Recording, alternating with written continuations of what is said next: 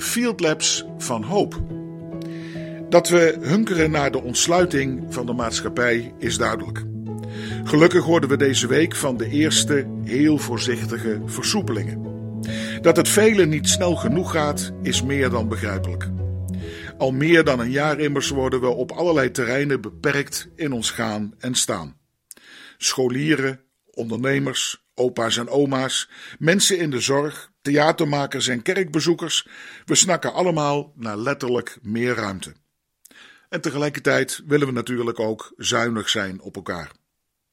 Naast vaccineren wordt er ook door de overheid bedacht om voor veel geld grote en kleine proeven te nemen hoe we weer ook in grote en kleine groepen bij elkaar kunnen komen. Daar is zelfs, denk ik, door een duur betaald reclamebureau een pakkende naam bij bedacht: Field Labs.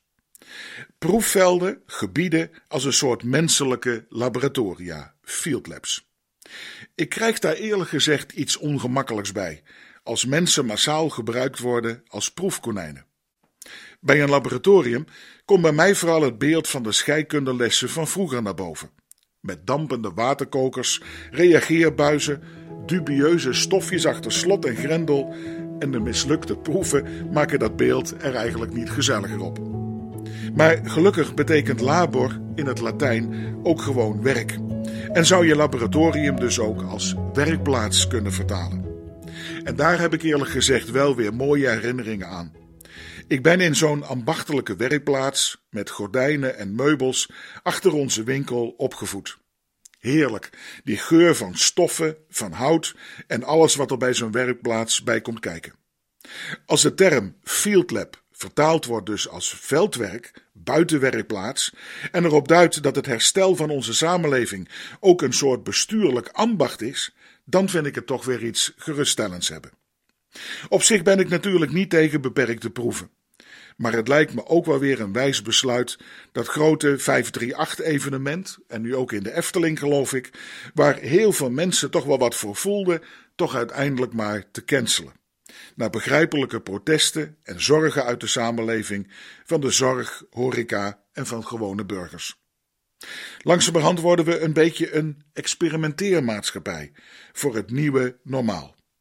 En vraag daarbij natuurlijk is waar de prioriteiten moeten liggen. En wat mij betreft zou er vooral urgentie zijn bij scholieren. Die krijgen nu teststrips mee naar huis om zich een paar keer per week te laten testen. En bij de reguliere onderdelen van de maatschappij. Voor bedrijven, horeca, kerken, sociale ontmoetingen. Maar als we het dan toch over een field lab samenleving hebben, dan zou ik wel willen pleiten voor een ander experiment van een feest. Ik zou het woord field lab van geloof, hoop en liefde willen noemen. En het kost geen cent, mensen. Misschien klinkt het velen wat vreemd in de oren, maar ook geloven is immers een feest, waar we allemaal voor uitgenodigd worden. De heer Jezus vergelijkt het volgen van hem met een groot feestmaal, waar we allemaal voor uitgenodigd zijn. Jazeker, geloven is een feest. Teleurstellend was bij dat feest dat velen zich juist afmelden, verontschuldigden. Geen tijd, interesse, andere prioriteiten. We herkennen het wel. En dan zegt Jezus: ga de wegen en de straten op en vraag juist hen die niks kunnen terugdoen, want het huis moet vol worden, het feest moet doorgaan. Het evangelie nodigt ons uit tot een feest van geloof, hoop en liefde, om op onze manier ook zelf weer uitnodigend te leven in deze wereld, als getuige in woord en daad van Jezus. Deze wereld dus als field lab van geloof, hoop en liefde. Een mooie uitdaging lijkt me, die het gezicht van de samenleving blijvend en positief kan veranderen.